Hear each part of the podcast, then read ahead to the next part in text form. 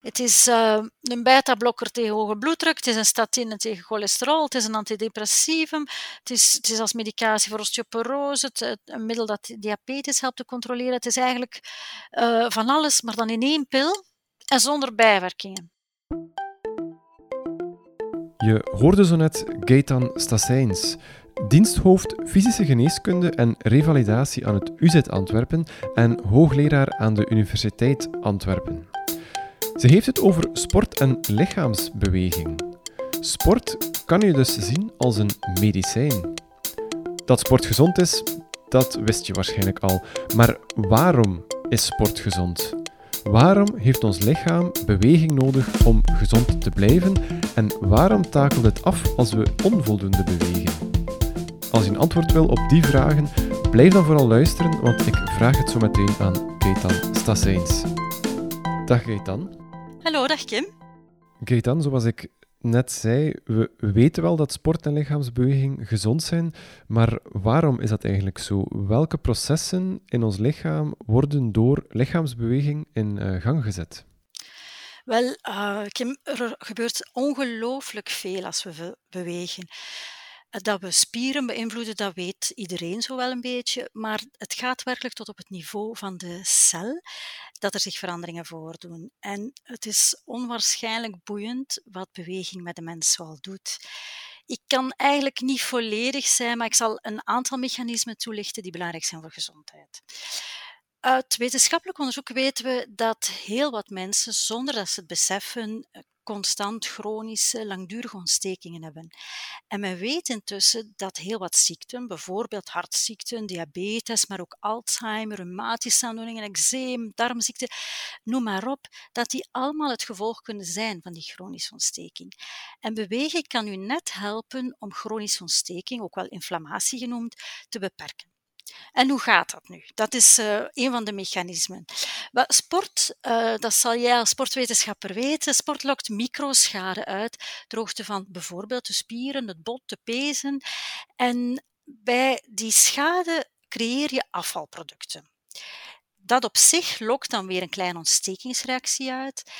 En ons lichaam gaat hierop reageren met een ontstekingswerend herstelmechanisme. En het is net dat herstel dat zo belangrijk is. Door te trainen zet je niet alleen autofagie noemt men dat, een soort cookie-monstertje in gang die de beschadigde moleculen opzet, maar training doet ook onze energiefabriekjes, de mitochondriën, toenemen. En dat herstelmechanisme gebeurt niet alleen lokaal in die spier of die pees, maar het werkt werkelijk de ontsteking in ons hele lichaam tegen. Dus eigenlijk kan je zeggen dat door te herstellen, en het is dat herstel dat zo belangrijk is, door te herstellen van training, onze cellen sterker zijn dan voorheen. Een ander mechanisme van, uh, waardoor beweging ontsteking vermindert, is ook door het onder controle brengen van vet. Je zou kunnen denken dat vet een inert ontsierend weefsel is, maar eigenlijk is vet een actieve stof, een fabriek die ontstekingsstofjes, men noemt dat ook pro-inflammatoire stofjes, gaat produceren. En vooral ons buikvet, het viscerale vet, is, speelt daar een heel gevaarlijke rol in. En zoals we uh, intussen weten, zal wie beweegt meer dan wie dieet dat visceraal vet onder controle brengen en op die manier die ontsteking vanuit het vet gaan beperken. En we weten ook uh, dat op zich ontsteking, hè, we hebben het hier over die chronische ontsteking, dat dat uh, gepaard gaat met vrijstellen van ontstekingsstofjes, zoals men noemt dat ook cytokines. Je hebt misschien al eens gehoord van interleukines of van uh, TNF, tumor-necrosisfactor. En onderzoekers hebben vastgesteld dat zelfs 20 minuten bewegen, dat is niet veel, hè, dat 20 minuten matig bewegen al een daling van die stofjes in het bloed veroorzaakt. Uh, een ander mechanisme waarom dat bewegen zo belangrijk is, is dat um, het bewegen niet alleen calorieën verbruikt, maar dat het ook ons efficiënter maakt in het, net in het verbruiken van calorieën, dat het ons efficiënter maakt in het verbruiken van vet en koolhydraten. En uh, in bijzonder bijvoorbeeld um, HIIT is daar een zeer efficiënte techniek voor. HIIT is High Intensity Training, waarbij je eigenlijk een boost van heel intensieve, zelfs maximale uh, training gaat doen, afgewisseld uh, met rust. Hè. We worden gewoon efficiënter in het verbruiken van ons vet en koolhydraten. En tenslotte uh, doen er zich ook cardiovasculair op het vlak van hart- en bloedvaten een aantal positieve aanpassingen voor door bewegen. Je slechte vetten, bijvoorbeeld LDL, heb je misschien al van gehoord, en triglyceriden gaan verlagen. En de goede vetten, HDL, gaan juist toenemen. Ook aderverkalking kan verminderen door bewegen. Uh, als gevolg van hoge bloeddruk kan er schade ontstaan in de vaatwand. En hierop kunnen die slechte vetten, de LDL's, gaan enten. Dit lokt dan op weer een ontsteking uit. Dat trekt dan op zijn beurt bloedcellen aan en er gaan zich plakkes vormen. En nu is beweging net goed tegen die vorming van die ontsteking en daardoor kan het ook aderverkalking beperken. Ook risico's op beroerte, hypertensies worden, en we komen daar straks nog op terug, hè, maar ook uh, risico op hoogbloeddruk en beroerte wordt beperkt. Dus we gaan zien dat bewegen op duizend en één manier het lichaam, op het lichaam inwerkt om ons gezond te houden. Het is echt uh, fascinerend. Waarom heeft ons lichaam eigenlijk die prikkel van lichaamsbeweging nodig? Waarom kan ons lichaam al die processen die door lichaamsbeweging veroorzaakt worden, waarom kan die dat zelf niet organiseren? En, en omgekeerd misschien ook, waarom takelt ons lichaam af als we onvoldoende bewegen? Wel, waarom? Um, ja, je kunt zeggen waarom heeft ons lichaam die beweging nodig. Je kan het ook vanuit het omgekeerde standpunt bekijken. Wat gebeurt er als we niet bewegen? En we hebben gezien dat een sedentair leven, dat is een mooi woord om te zeggen we bewegen niet, um, of een minimale hoeveelheid van beweging, een enorm impact heeft op gezondheid. We hebben uh, gezien dat dat eigenlijk um, een, een, enorme risicofactor is voor het ontwikkelen van heel wat beschavingsziekten. Dat blijkt als we uit heel wat studies, als met mensen die, die weinig bewegen gaat vergelijken met mensen die zelfs beperkt meer bewegen, dat daar een enorm verschil is in risicofactoren op, uh, voor het ontwikkelen van beschavingsziekten. Wat er vooral belangrijk is, dat je misschien langer leeft, dat is wel uh, aangetoond, maar vooral, en dat vind ik heel interessant, is dat je gezonder oud wordt, met minder kwalen en een betere levenskwaliteit. En daar doen we toch een stukje voor. Uh, fysiek, uh, fysieke activiteit en bewegen gaat die veroudering onder andere tegen door de telomeren. Telomeren is een, een um, wetenschappelijk woord voor beschermkapjes van ons eh, genetisch materiaal. Um, je kan dat voorstellen als je op het einde van een veter zit zo'n plastiekje om, je, om het uitrafelen van die veter te, bes, te beschermen. Wel, dat, dat is een telomeer voor ons genetisch materiaal. Wel, uh, fysieke activiteit gaat die telomeren ja, verlengen eigenlijk. We worden allemaal ouder, hè. daar kunnen we jammer genoeg niet tegengaan. Maar hoe we verouderen, dat wordt nu net bepaald door de gezondheid van onze cellen en de lengte van onze telomeren. En door bewegen kunnen we die telomeren gaan verlengen. Uh, het is altijd interessant om tweelingen te gaan onderzoeken. Hè. Tweelingstudies, dat, dat geeft eh, vaak een heel interessant idee over, los van genetica, wat uh, bijvoorbeeld beweging kan doen. Dus we, we zien dat bij tweelingen dat de tweeling die het meest actief is, ook uh, de langste telomeren heeft. Dus daar is wel een, een duidelijk effect. En mensen die weinig bewegen hebben kortere telomeren. En hoe, kan je nu je telomeren, als je ze uh, in, in, conditie wil houden, hoe kan je dat nu doen? Wel um, door matige activiteit van, ja, er wordt beschreven 45 minuten drie keer per week, dat is best veel. Hè? Maar goed, het, het, er moet wel wat bewogen worden om die telomeren in conditie te houden. En dat, is eigenlijk een, een, iets dat we altijd gaan terugzien, dat high-intensity training eigenlijk een heel mooie vervanging is voor die langdurige uh, duurtrainingen. Um, het heeft vaak hetzelfde effect als een veel langere training. Het is natuurlijk veel meer zweten en veel meer afzien, maar, maar eigenlijk op wie weinig tijd heeft, kan met high-intensity training ook eenzelfde positief effect uh, bekomen. Dus hoe meer uh, actief je bent, hoe, hoe, meer we eigenlijk het, de, het verouderen op een goede manier kunnen uh, bekomen. Anderzijds lijkt sporten en lichaamsbeweging iets tegen natuurlijk. Ik denk dat de meeste mensen liever lui dan moe zijn, om het zo te zeggen. En ook als we kijken naar onze naar dieren, naar onze huisdieren bijvoorbeeld, een hond, een kat, die ligt de hele dag te slapen, koeien in de wei ook. Zij kennen het concept sport niet. Kan je dan ook niet zeggen dat sport eigenlijk iets heel onnatuurlijk is? En waarom we, moeten we het dan toch doen? Wel, dat is eigenlijk een heel leuke vraag, want uh, niet alleen onze onze kat of onze hond ligt graag uh, uh, urenlang um, in een, in een, een nestje. maar eigenlijk, laat ons eerlijk zijn, de gemiddelde mens is eigenlijk ook moeilijk aan bewegen te krijgen. En dat is eigenlijk niet eens zo abnormaal. En ik ben dan even gaan kijken naar, naar wat dat de antropologen vertellen die kijken heel graag uh, naar volkeren die nog steeds leven als jagers en verzamelaars, om de oorsprong van het bewegen te verklaren. En eigenlijk hebben we als mensen altijd bewogen. Maar wat is nu net de clue? We hebben altijd bewogen met een reden. Om te jagen, om voedsel te zoeken, om een huis te bouwen of een hutje te bouwen, of uit sociale overwegingen om samen te, te spelen of te dansen. Hè. Um, Daniel Lieberman is een, is een antropoloog-bioloog van uh, de Universiteit van Harvard. Die heeft heel uh, boeiend onderzoek uh, gedaan. Dat is een, een hele fijne collega, een um, klein beetje gekke collega. Die is, het is een fervent barefoot runner, um, die soms blootsvoets door Cambridge loopt. Ik heb hem op een congres ontmoet, maar die heeft een heel boek, leuk boek daarover geschreven. En um, dus eigenlijk is de mens gemaakt om te bewegen, absoluut. Hij moet bewegen, zelfs intensief. Hè. Als je achter een dier aan zit, moet je soms eens goed doorrennen. Maar hij is niet gemaakt om te sporten.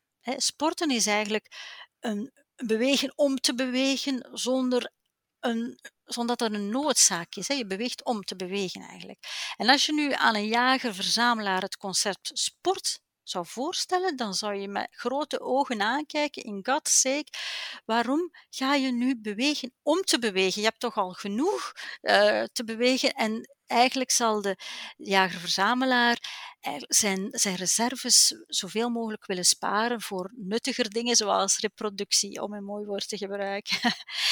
um, en eh, dus eigenlijk kan je wel zeggen, als je niet, niet vlot uit de zekel geraakt om, om te gaan, gaan sporten, ben je eigenlijk helemaal normaal. Maar wat is er nu juist aan de hand in met de huidige levensstijl? Is alles zo efficiënt gemaakt dat je niet meer moet bewegen. Die noodzaak om te bewegen is volledig weg. Je kan met de auto naar het werk, je kan met de lift naar je bureau. Je hoeft eigenlijk op je werk nog nauwelijks uh, iets te doen. Met de lockdown moesten we zelfs het huis niet eens meer uitkomen. En dus ja, die noodzaak om te bewegen is, en ja, ook het sociale element van, van sport is ook een stuk met, met corona weggevallen. Maar, maar die, die noodzaak is, is zowat verdwenen. Dus nu moeten we wel onze beweging gaan inplannen. Ook al is dat evolutionair misschien een stukje onnatuurlijk. Maar dat is eigenlijk een, een uh, verklaring voor waarom we eigenlijk van nature dat, dat niet zo logisch vinden. Maar we moeten dat nu wel echt gaan plannen. Moet het eigenlijk dan geen opdracht zijn van een, van een overheid om die noodzaak te creëren? Ja, absoluut. absoluut is dat. Ik denk dat je de mens zelf hè, met, met, met, kan informeren, zoals we nu aan het doen zijn, over, over het nut van bewegen. Maar het is, het is niet altijd evident om, om dat op individueel niveau te doen. En, en ik denk dat de overheid daar wel degelijk een, een rol kan in spelen. Zonder dat je de mensen moet op opzadelen met schuldgevoelens bijvoorbeeld. Maar je kan, uh, en je moet natuurlijk liften blijven behouden voor mensen met een rolstoel bijvoorbeeld. Je kan die niet zomaar weghalen. Maar um, ja, het kan wel nuttig zijn dat je daar een, een, een boodschapje naast hangt van kijk, uh, met, de, met de trap uh, verbruik je zoveel calorieën bijvoorbeeld, of, of werk je aan je gezondheid. Dat mensen toch uh, eraan herinnerd worden dat, dat het belangrijk is. Dus inderdaad, ik denk dat je het enerzijds van de mens kan laten afhangen, maar dat de overheid daar ook een heel belangrijke rol kan spelen. Er zit ook een grote winst in voor de, voor de gezondheidszorg natuurlijk, want dat was het, het punt waar ik nog eens op wou terugkomen. Sport wordt ook wat beschouwd als een, als een medicijn uh, tegen uh, allerlei kwalen. U heeft er al een aantal genoemd, maar tegen welke aandoeningen beschermt lichaamsbeweging? Ik zou zeggen, um, ik denk dat het antwoord veel korter zou zijn als je zou zeggen, tegen wat beschermt het niet? Dan zouden we snel uitgepraat zijn. Het beschermt tegen ongelooflijk veel. Um, ik ga er een aantal overlopen. Zeg maar stop als, het genoeg is. Um, om te beginnen, ja, een klassieker waarom dat veel mensen toch bewegen, dat is uh, overgewicht. Hè. Um, en daar zijn er discussies over. Kan bewegen een rol spelen bij overgewicht? Ik ga het nuanceren, hè. Uh, maar het kan zeker een rol spelen in behouden van gezond gewicht. En waarom is er nu zo discussie over? Is, kan uh, bewegen helpen bij vermageren? Wel, er zijn natuurlijk heel wat factoren die die kunnen bijdragen tot overgewicht. Hè. Um, bijvoorbeeld ook genetische factoren. Maar als je nu heel kort door de bocht wil gaan, dan kan je zeggen dat je als je meer calorieën verbruikt dan dat je er inneemt, ja, dan zal je vermageren. Dus in die zin kan sport helpen. Maar als je nu weet dat 1 kilo vet 7700 eh, calorieën bevat en dat je bij de marathon nog niet eens de helft verbruikt, dan zakt de moed wel in de schoenen om door te bewegen veel calorieën te gaan verbruiken en te vermageren. En bovendien is het zo dat, dat sport je kan aanzetten om meer te eten. Hè. Als je na het zwemmen bijvoorbeeld een reep gaat eten of na, na het fietsen in de pinten duikt, ja, dan, dan is, is er weinig effect op vlak van uh, gewichtsverlies. Dus um, ik heb het zelf ook ervaren. Als ik zo echt volumes, trainingsvolumes ga opdrijven, dan, dan, dan merk ik dat ik eigenlijk inderdaad ook net aan gewicht ga winnen eerder dan verliezen. Dus je moet daar echt bewust mee omgaan.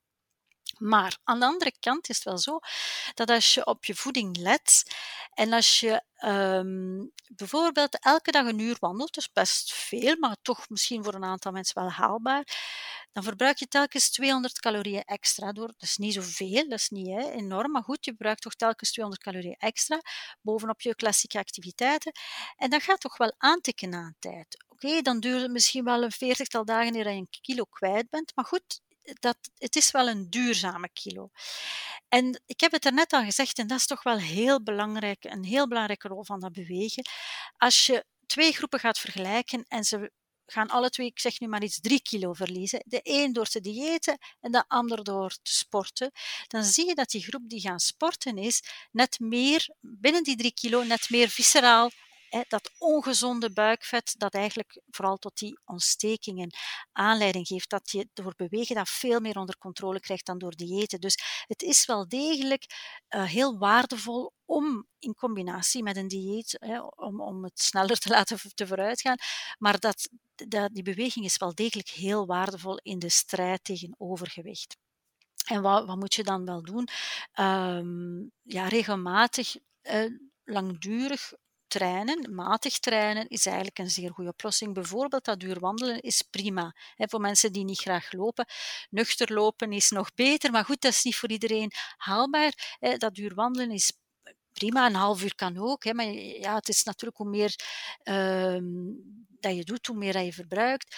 Intensief wandelen zal meer verbruiken dan rustig wandelen. Hè. Dus het is, uh, er zijn altijd gradaties.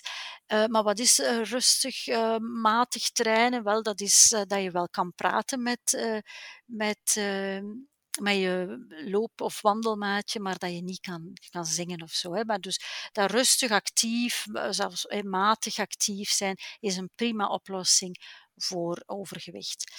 Diabetes wel, uh, is een tweede of, of, een andere um, uh, aandoening waar dat eigenlijk bewegen een heel belangrijke rol in de preventie speelt. Onze spieren, en je moet weten dat spieren zowat een derde van ons lichaamsgewicht uitmaken, dat is bijzonder veel. Onze spieren zijn suikerverslinders.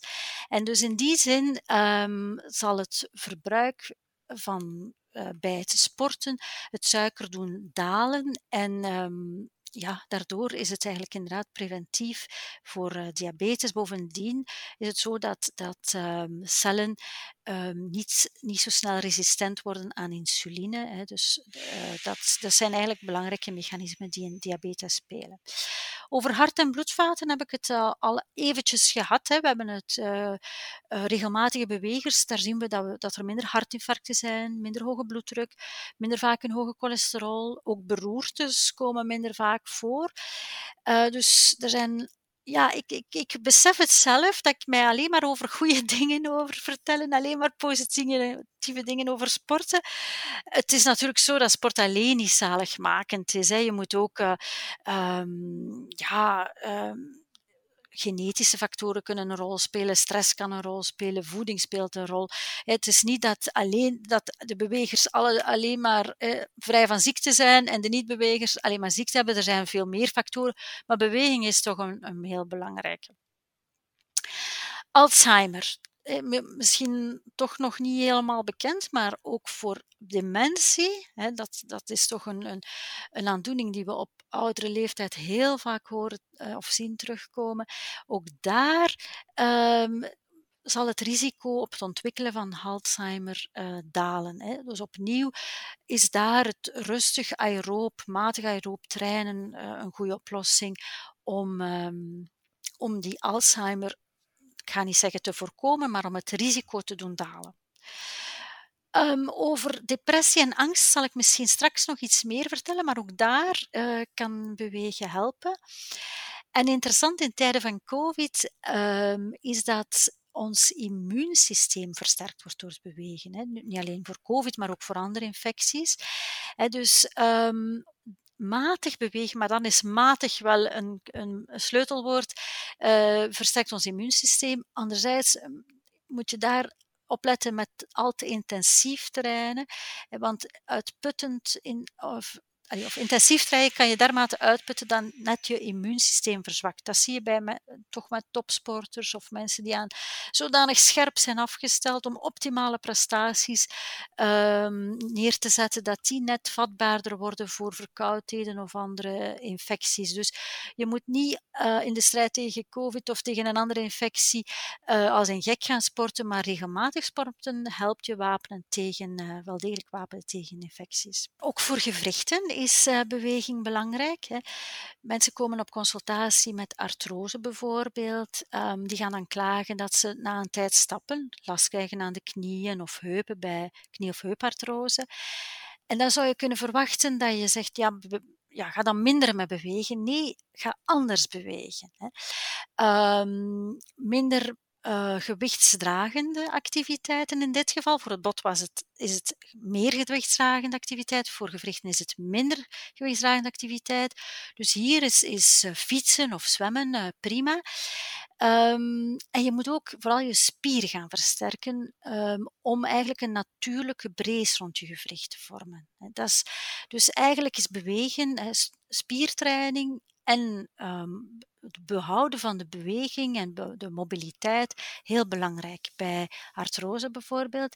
Ook rugpatiënten uh, komen heel vaak aankloppen uh, dat ze bang zijn om te bewegen, omdat ze denken dat ze nu net door bewegen hun rugklachten gaan verergeren. Het spreekt voor zich dat je eerst moet uitsluiten of er geen ernstig onderliggend probleem is, zoals een, ja, een breuk of, of een tumor. Hè. Maar, maar in de meeste gevallen moeten we eigenlijk aan de patiënt zeggen van ja, blijf bewegen of ga zelfs meer bewegen. Je moet je spieren versterken, je moet je buik en vooral ook rugspieren gaan versterken. Dus eigenlijk moeten we de patiënten met rugklachten letterlijk een duwtje in de rug geven om meer te gaan bewegen.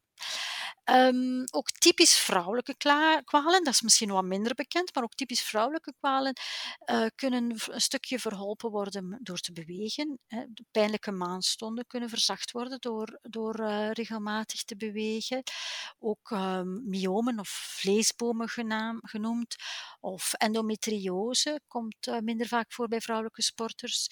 Vruchtbaarheid kan bevorderd worden door uh, te sporten. Maar let op, als je te intensief gaat sporten, ga je in de reserves en, en kan die vruchtbaarheid juist uh, beperkt worden. Er zijn minder zwangerschapskwalen, zoals bloeddrukproblemen. En zelfs in 15% van de gevallen heb je hebt minder dan, uh, minder, een keizersnee nodig in minder dan 15, ja, Nee, je hebt zelfs tot 15% minder keizersneden nodig. Dat is beter gezegd. Hè? Ook op oudere leeftijd, bijvoorbeeld bij de menopauze, kan je um, de klachten eigenlijk toch verzachten door te sporten en hou je je botten beter in conditie. Uh, over kanker zullen we het dadelijk uh, ook nog hebben, maar je ziet, de lijst is in ontzettend lang. Er zou ook een impact zijn van lichaamsbeweging op het ontstaan of vooral de preventie van, van verschillende kankers. Uh, kunt u daar wat meer over vertellen? Er is heel veel onderzoek naar gedaan. De meeste studies gaan over het regelmatig bewegen in de preventie van borst- en kolonkankers. Dat zijn eigenlijk de meest voorkomende kankers. En daarvoor is het positief effect van, van eh, bewegen op het, de incidentie, op het voorkomen en ook op de de mortaliteit, het sterftegevolgen van kanker aangetoond. Uh, maar ook voor uh, heel wat andere kankers, pancreas, endometrium, uh, heel wat andere kankers nog, uh, zijn er duidelijk associaties, hè, positieve associaties tussen bewegen en het voorkomen van die kankers.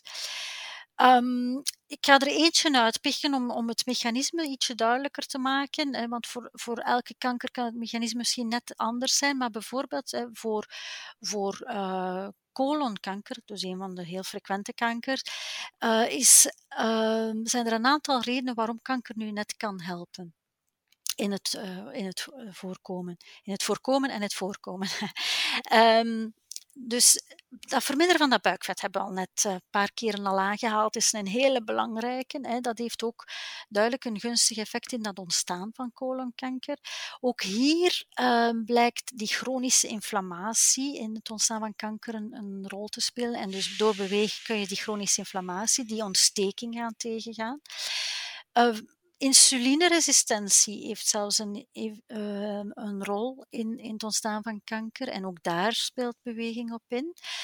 Ehm, de verbeterde immuunrespons hebben we net gezegd. Hè? Dus uh, onze immuniteit wordt versterkt en ook die immuunrespons speelt een rol in het verwijderen van kankercellen. Vandaar dat ook bewegen uh, op die manier een rol kan spelen. En dan specifiek voor kanker is het zo dat door te bewegen je de darmtransit het gaat verbeteren. En dat zou ook een rol kunnen spelen in het um, in de preventie van, van colonkanker. Hè. Dus op, op verschillende manieren kan, die, uh, kan bewegen eigenlijk gaan inspelen op, op het uh, ontstaan van kanker. Niet alleen helpt uh, bewegen in de preventie van kanker, maar ook, en dat is toch ook voor de patiënt heel belangrijk, in, het, um, in de symptomen van kanker te verzachten.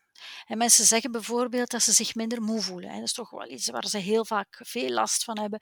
Maar dat door bewegen toch een stuk, en dan gaat het niet over uh, ja, welke soort beweging kan ik straks nog vertellen, maar dan, dan gaat het uh, niet over uh, ultramarathons, maar dan gaat het over wandelen. Hè. Bijvoorbeeld, zelfs tijdens het, dat je kanker hebt, tijdens je behandelingen, als het enigszins kan, moet je gaan uh, bewegen. En daar ga ik misschien kort even eh, Thomas van der Plaatsen bij halen. Dat is onze tienkamper, die inderdaad kanker gehad heeft, al enkele jaren terug. Maar hij vertelde mij dat hij tijdens zijn um, ziekteproces en tijdens zijn behandelingen bleef bewegen, wat dat hij kon. Soms was het frustrerend weinig, maar hij deed wat hij kon. En dat hij het gevoel heeft dat hij, doordat hij dan is blijven oefenen, veel sneller zijn trainingen is terug kunnen gaan oppikken. En hij, twee jaar later is hem dan ook, um, heeft hij goud gepakt op het Europees kampioenschap tienkamp. Dus dat blijven bewegen, als je niet te diep zakt, kan je ook veel sneller terug, uh, terug oppikken. Hè. Dat is toch wel belangrijk dat je, dat je aan de gang blijft. Dat is in het algemeen, niet alleen bij kanker, dat is eigenlijk in het algemeen van belang. We zien ook dat mensen uh, minder last hebben van therapie bij kanker. Want die, die chirurgie, radiotherapie, maar ook niet minste chemotherapie kunnen best belastend zijn voor, voor een kankerpatiënt. En mensen kunnen daar soms vlotter niet soms, vaak vlotter mee omgaan. Hè. Dat is, de impact is toch minder groot. Ik kan niet zeggen dat er geen meer is, wel zeker niet, maar, maar het is toch minder groot. En dat maakt de levenskwaliteit toch een pak hoger. En uiteindelijk, en dat is toch ook wel heel belangrijk, heb je een secundair preventief effect. Dat wil zeggen dat één keer dat je kanker hebt, er ook is aangetoond dat je minder snel metastase gaat ontwikkelen. Dus het is niet dat je enkel um, bewegen als in de preventie van kanker moet zien, maar eigenlijk ook tijdens de behandeling en, en um, nadien om uh, metastases te gaan of herval tegen te gaan. Um, in, in, bij ons in het Universitair Ziekenhuis in Antwerpen hebben wij um, niet alleen een oncorevalidatie, waar we eigenlijk patiënten gaan begeleiden. Want je moet weten dat patiënten heel vaak echt, ehm, echt uitgeput uit, uh, uit die behandelingen uh, uitkomen. En we gaan ze begeleiden om terug actief te zijn. En, en, en soms is het aan het begin van een behandeling moeilijk om tot aan de bakker te geraken. Maar, maar kunnen, ze, kunnen ze echt. De draad weer oppikken en, en echt gaan sporten, zelfs na een paar maanden. Hè. Dus dat is, is ongelooflijk mooi om te zien uh, hoe, hoe veerkrachtig een mens is ook. Hè. Want kanker is een regelrechte aanval, maar een mens is toch wel heel veel krachtig. En, um, maar, dus we hebben niet alleen die oncorevalidatie, maar wij, wij, wij, organiseren ook sporttrajecten voor patiënten met kanker, waarbij ze niet, ook lotgenoten leren kennen. Dat sociale aspect van sport is niet te onderschatten. Hè. Mensen die in dezelfde situatie zitten, maar ook als je eh, geen ziekte hebt, is, is het veel fijner om, om samen met anderen te zagen op, op dat weer zo vroeg is om op te staan, om, om te gaan sporten. Maar goed, dat kunnen ventileren is wel fijn bij sporten en zeker ook bij kankerpatiënten. En we doen sporten, uh, waarbij we um, gaan, gaan uh, klimmen, mountainbiken, golven. Uh, we hebben zelfs een, een, een triathlon, een kwart triathlon met, met kankerpatiënten gedaan. We hebben al heel wat gezondheidsvoordelen van sporten overlopen. Uh, sommige wetenschappers bundelen die in, onder de term het sport als medicijn. Uh, kunnen we dat zo ook beschouwen? En vindt u dat sport dan eigenlijk heel wat medicatie zou moeten ver, vervangen? Of het misschien al doet? Eigenlijk kan je dat best als een medicijn zien, ja. Het is uh, een beta-blokker tegen hoge bloeddruk, het is een statine tegen cholesterol, het is een antidepressivum, het is, het is als medicatie voor osteoporose, het, een middel dat diabetes helpt te controleren. Het is eigenlijk uh, van alles, maar dan in één pil en zonder bijwerkingen. Oké, okay, wel letsels, hè, daar kunnen we het nog over hebben, maar, maar um, nee, het is, het is echt wel uh, vergelijkbaar met een medicijn. Uh, maar we moeten wel opletten, we kunnen het niet zomaar uh, natuurlijk um, medicatie gaan vervangen. In, in heel wat gevallen is er een behandeling onder de vorm van medicatie of onder andere vormen nodig. Maar het is dan wel degelijk een heel belangrijke aanvulling op therapie. Het spreekt voor zich dat je iemand met kanker moet opereren in eh, heel wat gevallen, dat je moet chemotherapie geven. Dat ga je niet vervangen door beweging, maar het is wel een heel, heel belangrijke aanvulling op die, op die andere therapieën. En ik moet zeggen dat vroeger er eigenlijk geen enkele arts eraan dacht om beweging als deel van een behandeling voor te schrijven. Dat, dat kwam gewoon niet in hem op. En jammer genoeg is dat toch nog bij heel wat artsen ook vandaag het geval. Maar onderzoek is zo overweldigend dat meer en meer revalidatie in de behandeling van, van heel veel diverse um, aandoeningen een rol gaat spelen. Wij, in onze afdeling de, uh, zien we mensen inderdaad met kanker, maar ook met Parkinson, met obesitas, met, met uh, um, beroertes, uh, na een trauma. Dus eigenlijk uh, die revalidatie en dat bewegen als onderdeel van de behandeling wordt wel uh, heel, heel duidelijk. Maar um, het gebeurt nog te weinig, maar het is aan ons om aan de studenten geneeskunde, toekomstige artsen, het, om hen te informeren en het belang te onderstrepen. We hebben het nu heel vaak gehad tot nu toe over fysieke uh, aandoeningen die, of fysieke voordelen van sporten, wat ook logisch is. Maar er zouden ook heel veel uh, psychische, mentale voordelen zijn. Ja, uh, dat is absoluut zo. Um, bewegen maakt je stressbestendiger. Um, het is zo dat door te trainen, door te bewegen, je cortisolproductie gaat dalen. En daar voel je je kalmer door. En een tweede zaak is ook dat stress die heel wat schade kan aanrichten, op celniveau ook. En dat fysieke activiteit, we hebben het al net even aangehaald, is zo'n stofzuiger die die celschade kan opruimen. Dus wat stress um, achterlaat van, van rommel, gaat de fysieke activiteit weer opruimen. Uh, denk maar aan dat cookie monster van, uh, van daarnet. Hè. Dus het is wel degelijk ook voor mentale aandoeningen, voor het omgaan met stress, een hele, hele belangrijke. heel wat mensen um, hebben tijdens corona dat ook ontdekt. Um, er zijn blijkbaar twee tendensen, zoals ik zelf toch zelf lees. Enerzijds zijn een aantal mensen juist meer gaan bewegen, omdat ze meer tijd of mogelijkheden hadden om het te doen. Maar er zijn er dan ook weer een heel aantal die net minder gingen bewegen, omdat ze zich niet meer moesten verplaatsen. Dus corona heeft op dat vlak eigenlijk uh, verschillende impact gehad.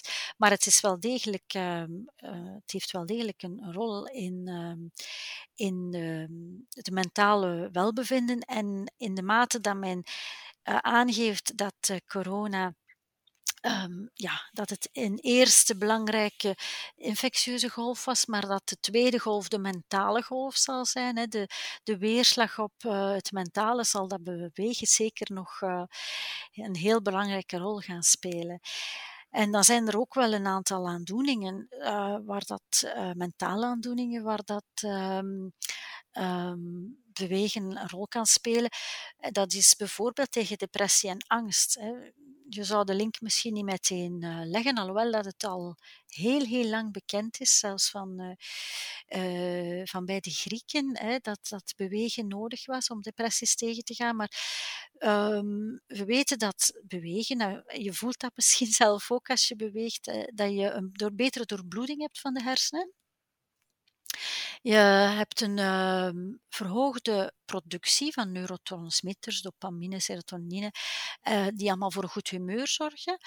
Je hebt uh, endorfines, dat zijn eigenlijk natuurlijke stofjes die ook je pijn onder controle houden. Uh, het lijkt een soort morfine, maar natuurlijke morfine, die je gaat produceren bij bewegen.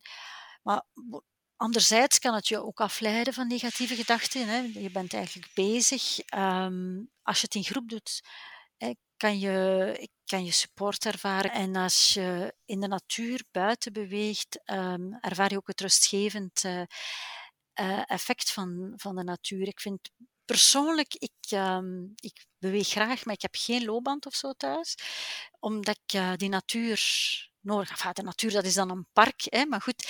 Um, ik vind dat veel. Um, ja, ik, ik, denk dat ik dat de rustgevende effect van natuur toch ook wel heel belangrijk vind. Want het zegt mij niks om op een loopband te sporten. Nu, voor wie dat graag doet, prima. Hè? Maar ik denk dat dat, uh, dat buitensporten toch nog een extra dimensie heeft. En men weet dat. dat um, bewegen even efficiënt is als medicatie, daar is het echt wel zo. Uh, maar voor milde depressies, echt zware depressies, mag je, je mag, je mag hier ook niet aan auto-behandeling doen door te zeggen ik zal, het zal het zelf wel oplossen. Als je echt een, een, een, probleem hebt, is het belangrijk dat je een arts raadpleegt uh, natuurlijk. Hè. Ik merk zelf ook qua psychologische voordelen, uh, creativiteit die opkomt tijdens het sporten. Als ik, als ik ga lopen of fietsen, dat er allerlei ideeën in mijn hoofd schieten. Ja, absoluut. En dat is voor mij ook een van de redenen, denk ik zo wat de belangrijkste redenen om te sporten, het cognitieve aspect. Hè.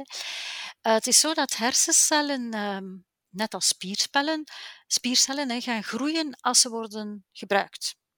Spierspel, eh, dat weet je als je um, uh, een gips hebt. En je gebruikt je, onderbeen bijvoorbeeld een tijd niet. Uh, dan, dan slinken die spieren weg.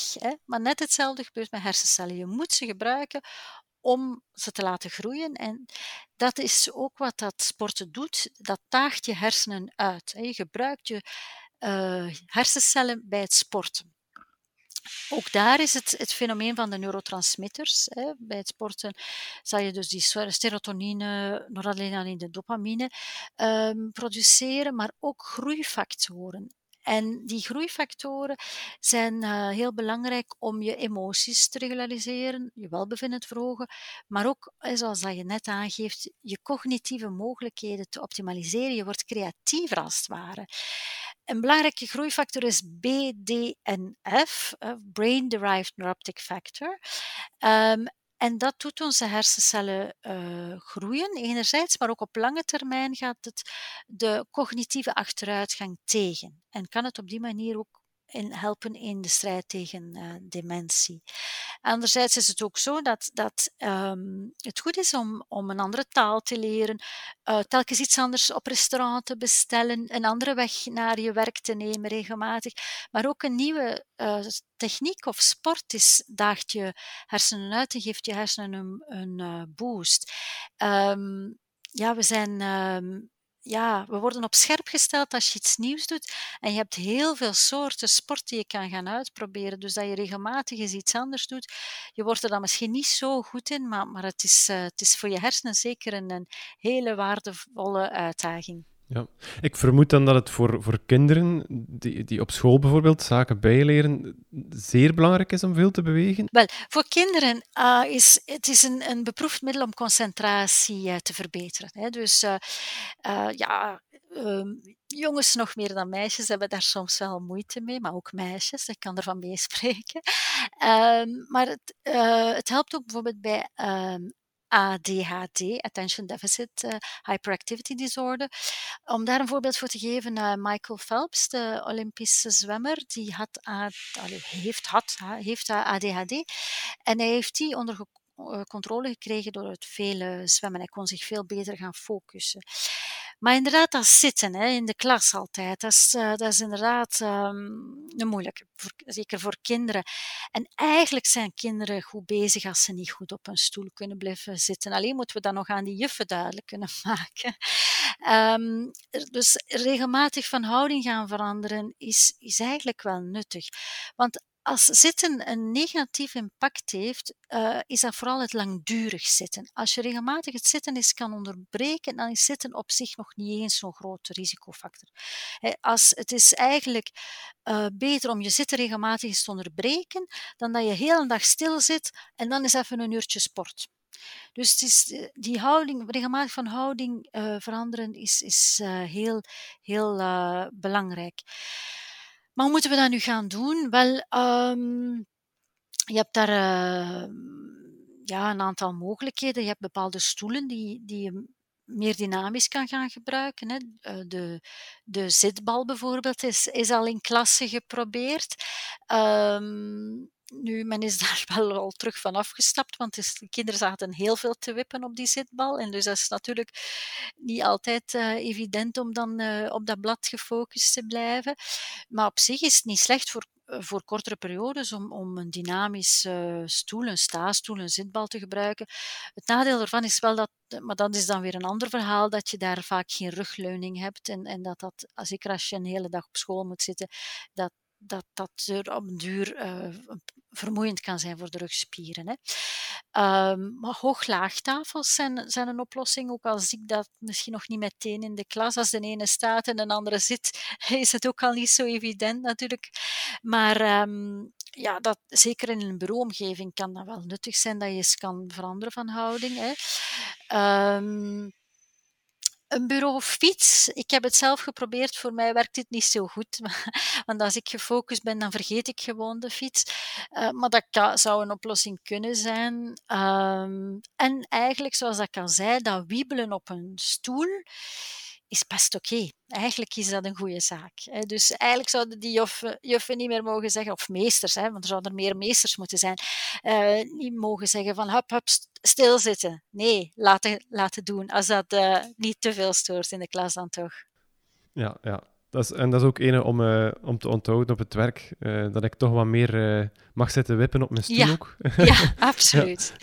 ja. Ik, ik, heb het gevoel dat we nog uren kunnen ja, doorgaan, ja, maar ik, ik, ik, zou, ik zou toch graag bijna afronden. Um, misschien als slotvraag ook nog, um, is er een advies of welk advies zou u willen meegeven met mensen die wat meer willen bewegen? Ja, op zich... Um is het belangrijk om, om, om dat als al een volledige gezondheidsactiviteit te zien. Hè. Dus niet alleen bewegen, maar ook uh, goed slapen, gezond eten. Bewegen alleen kan bijvoorbeeld een junkfood dieet niet uh, ongedaan maken. Hè.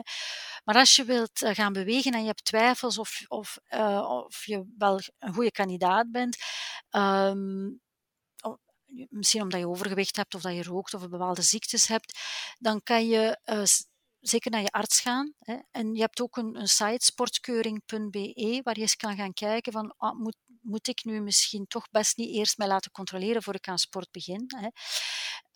Um, maar eigenlijk moeten we gewoon weten dat als je het moeilijk hebt met sporten, dat dat niet eens zo vreemd is. Hè. Het is, zoals gezegd, een beetje tegen onze natuur. Maar we moeten het gaan inplannen. En om dat dan te gaan inplannen, moet je eigenlijk het best doen op manieren dat je het niet als opdracht ziet. Bijvoorbeeld gewoon zeggen: Oké, ik ga met de fiets naar het werk en ik steek regenkleren in een fietszak. Of ik ga naar de winkel met de fiets uh, vindt het niet erg dat uh, alle parkeerplaatsen vlak bij de Deleuze of bij de GB, of ik mag mij eigenlijk geen merk noemen, bij de supermarkt, dat die al bezet zijn. Nee, het is eigenlijk een goede zaak dat je een stuk verder moet stappen. Um, dan uh, leg je kleren klaar. Maak het je vooral zo makkelijk mogelijk. Hè, dat je s morgens niet, niet moet denken van wat zou ik nu moeten aandoen. Nee, leg het gewoon klaar. Hè. Dus uh, maak een, een, stoel waar je al je sportkleren op legt, zodat je, je die maar gewoon bijeen te grabbelen hebt. En maak het ook leuk. Het is zoveel leuker om, om uh, met een vriendin of een vriend te gaan uh, wandelen. En eigenlijk kan je even goed kletsen tijdens het wandelen als tijdens een terrasje.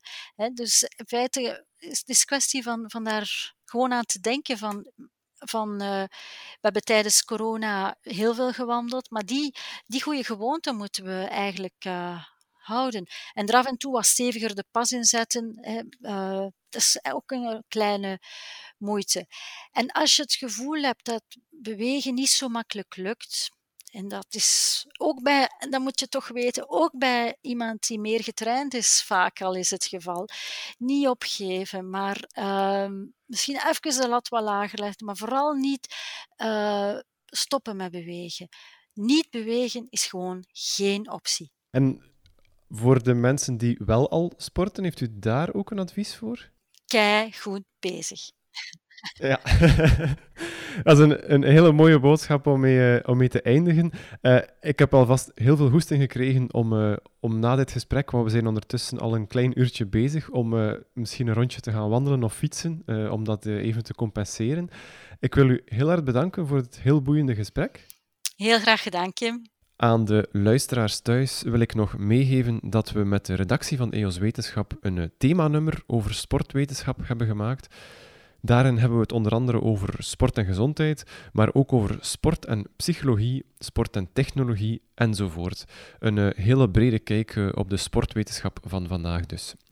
De special sportwetenschap ligt nu in de winkel, maar kan je ook bestellen via www.tijdschriftenwinkel.be. Vond je deze aflevering interessant? Deel hem dan zeker. Schrijf je gerust in op eh, de nieuwsbrief van EOS Wetenschap om op de hoogte te blijven van volgende afleveringen. En dat inschrijven dat kan via onze website www.eoswetenschap.be.